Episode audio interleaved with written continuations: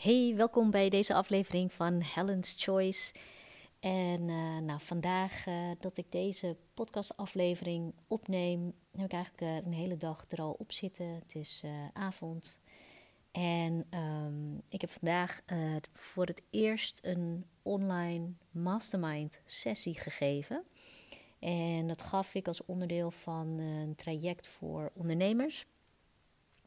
En dat was echt super gaaf. Um, ik vind de kracht van het bundelen van ervaringen en van kennis van mensen en dat je ja, dat kunt gebruiken om iemand van input te voorzien voor een vraagstuk wat hij heeft, ja, is gewoon fantastisch. Want dan um, word je echt gevoed vanuit meerdere mensen uh, en dat is natuurlijk weer anders dan um, dat je één iemand hebt om het uh, over jouw uitdagingen te hebben. Wat natuurlijk ook al super waardevol is. En wat we natuurlijk in een eh, één op één coachingstraject veel doen in de sessies.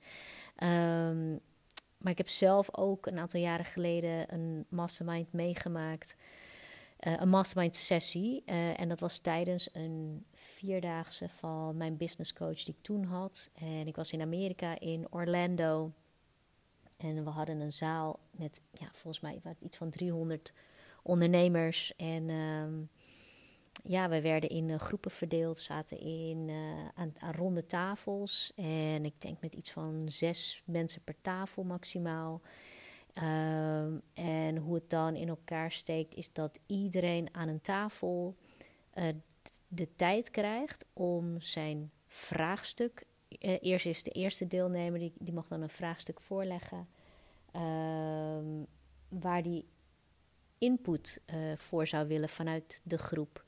Dus je, je vertelt wat je vraag is of jouw uitdaging. En dan uh, heb je een aantal minuten de tijd om daar een toelichting op te geven. Dus de context, het verhaal eromheen, zodat mensen een beetje weten over wat voor bedrijf je hebt en, eh, wat voor klanten of wat voor product enzovoorts. En, uh, en vervolgens uh, hebben mensen dan een aantal minuten de tijd. Dus die andere deelnemers die geluisterd hebben, die kunnen dan ehm, meer vragen stellen dus meer verhelderende vragen. Want je, je hebt dan een, een, aantal minuten aangehoord wat het probleem is. En een beetje context is er geschetst. Uh, maar je kan dan aanvullende vragen stellen. En vervolgens mag iedereen die geluisterd heeft. Uh, die mag dan gewoon zeggen wat in hem opkomt. Dat kunnen hele concrete tips zijn. Uh, dat kan het delen van een ervaring zijn als input. Of nou ja, überhaupt iets wat in iemand opkomt. En één voor één delen deelt iedereen die geluisterd heeft aan die tafel, die deelt wat hij te delen heeft. En zonder daarover in gesprek te gaan met elkaar. En degene die dat vraagstuk heeft neergelegd, die luistert gewoon, die maakt misschien aantekeningen of iemand anders doet dat voor hem. En als iedereen dan geweest is en alle input heeft gegeven, ja, dan kun je je voorstellen dat je dus een, ja, een, een hele schat aan informatie uh, krijgt van verschillende hoeken, verschillende perspectieven van mensen. Um, en weet je, al haal je dan gewoon één gouden tip eruit of iets wat je gewoon in één keer stimuleert om, uh, om een actie te ondernemen. Ja, dat is gewoon uh, enorm waardevol. En ik vond het heel bijzonder om te zien hoeveel er dan uit zo'n sessie kan komen.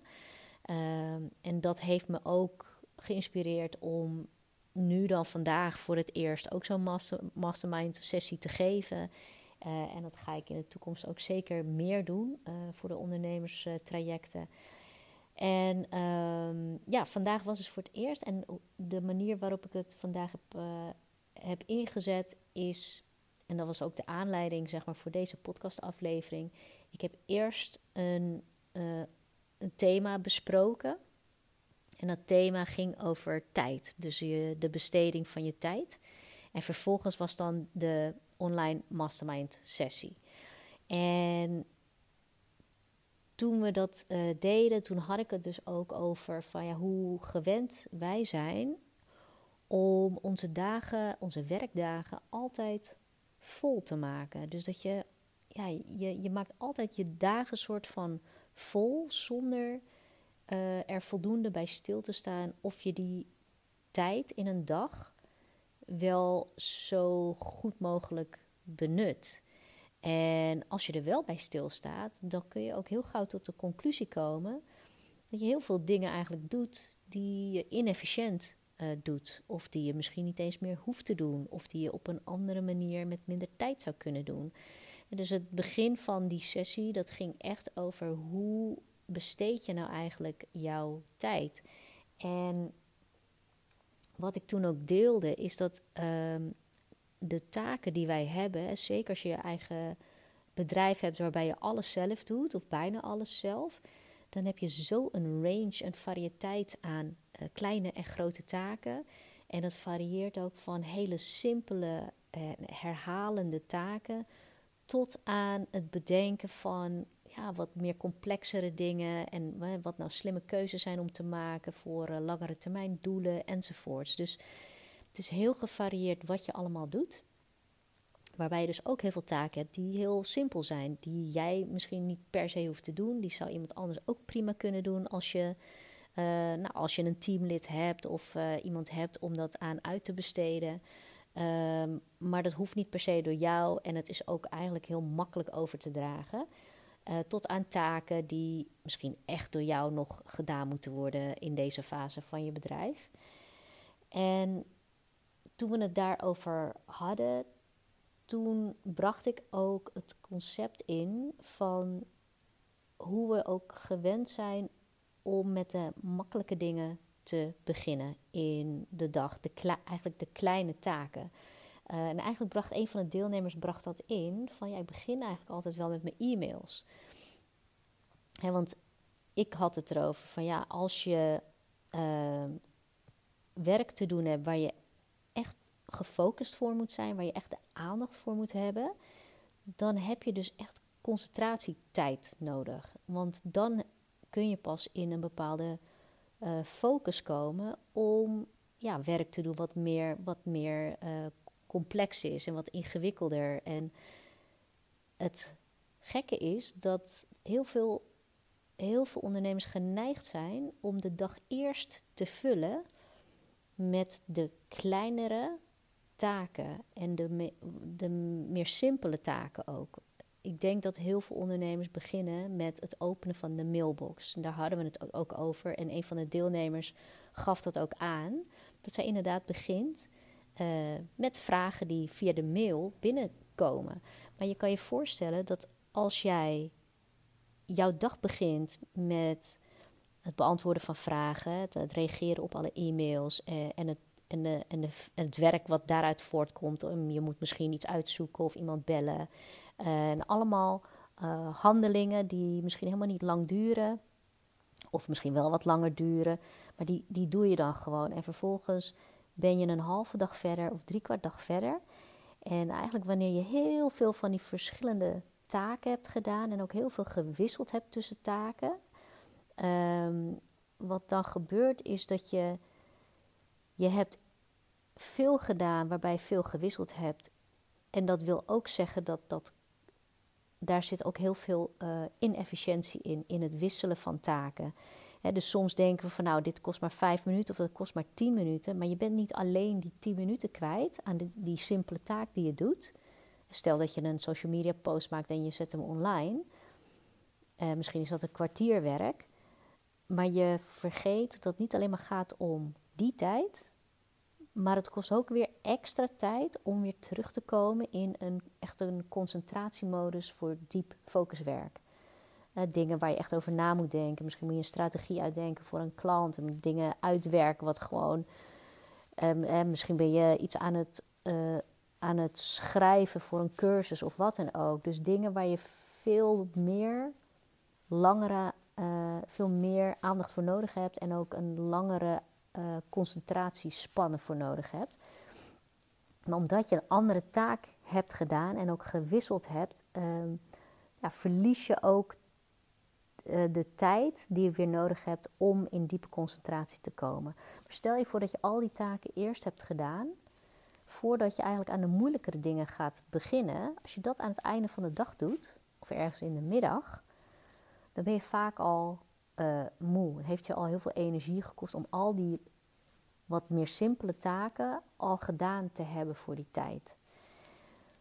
Terwijl het veel handiger kan zijn om het juist om te draaien. Want als je je werkdag net begint en je gebruikt die frisse energie om te steken in het echte denkwerk, het diepe werk.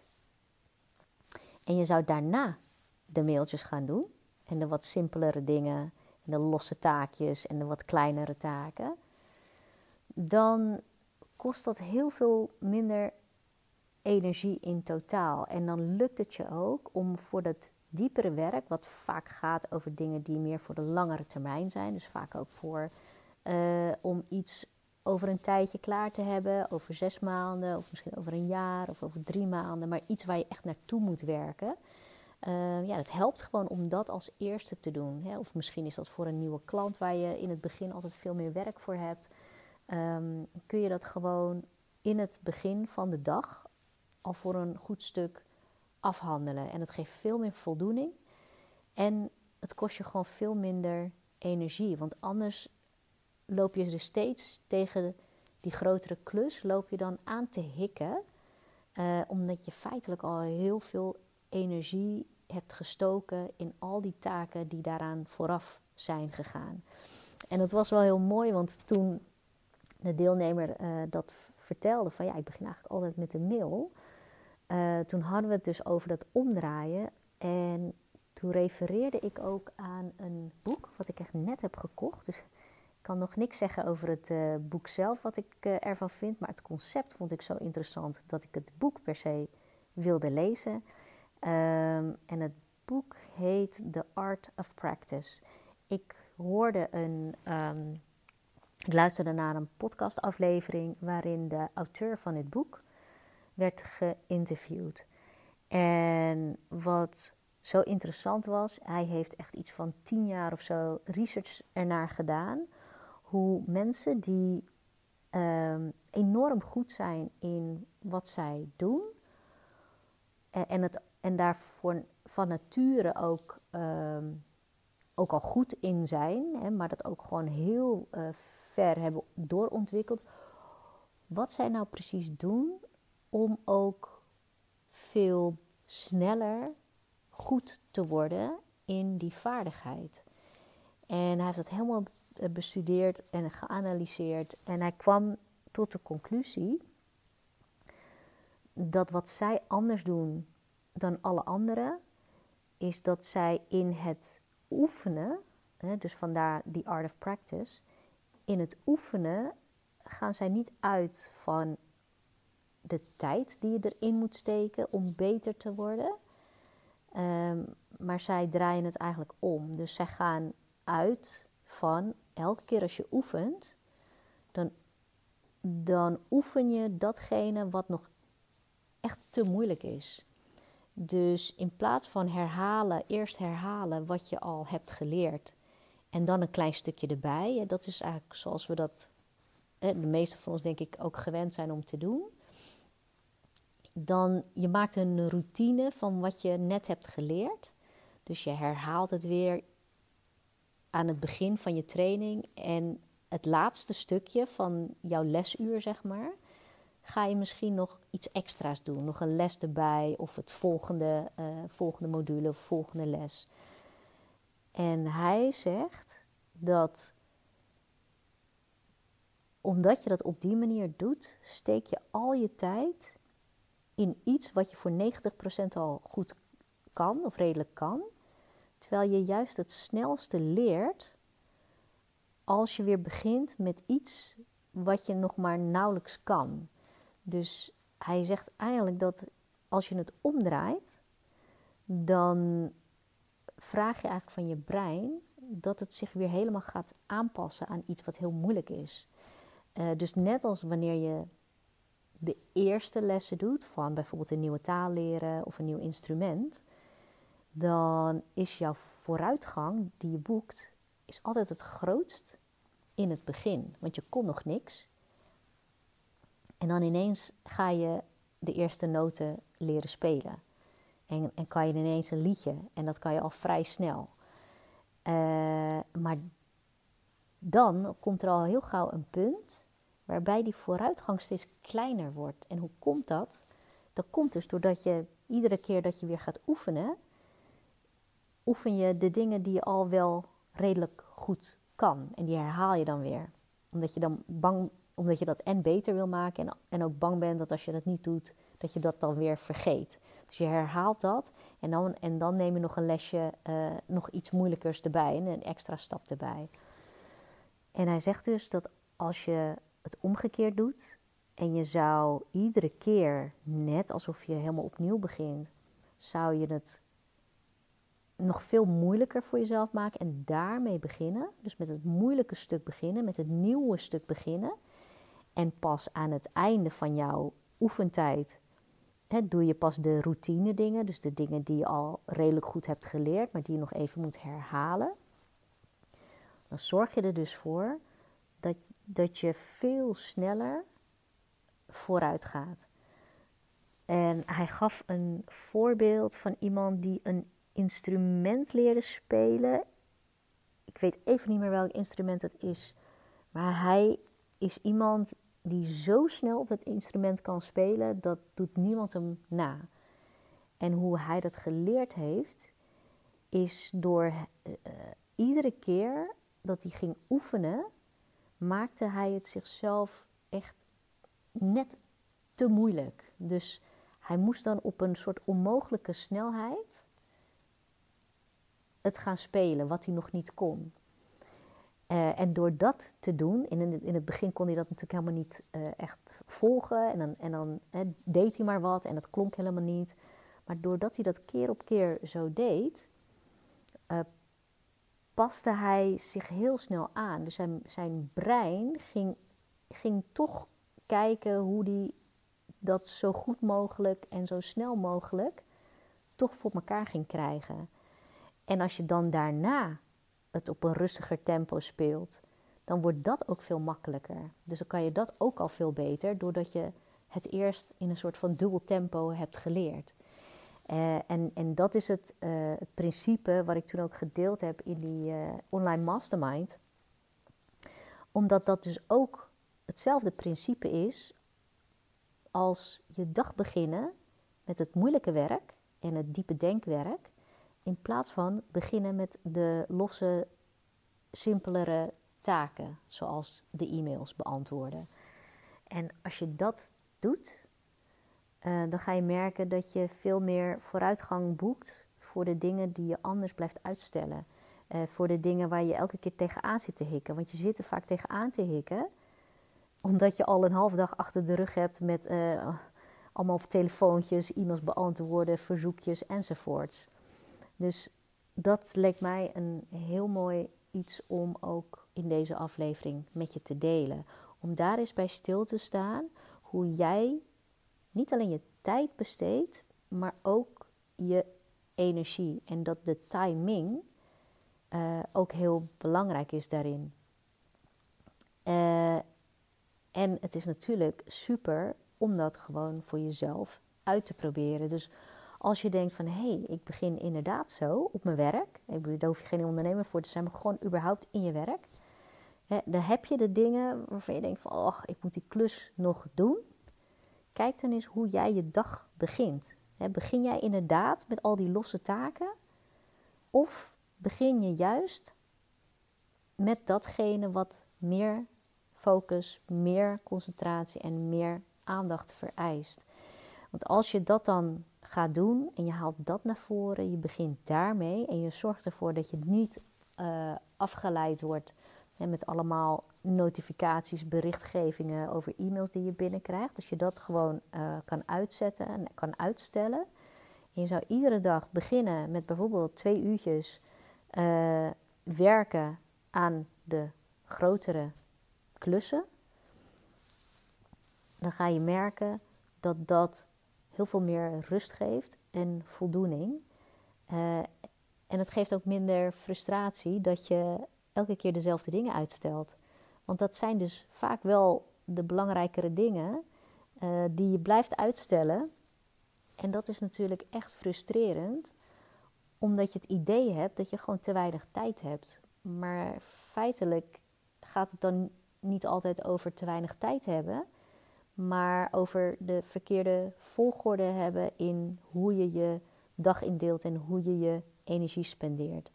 En we hadden het ook over, kijk, nu hebben we het natuurlijk over het beginnen van je dag hè, op deze manier.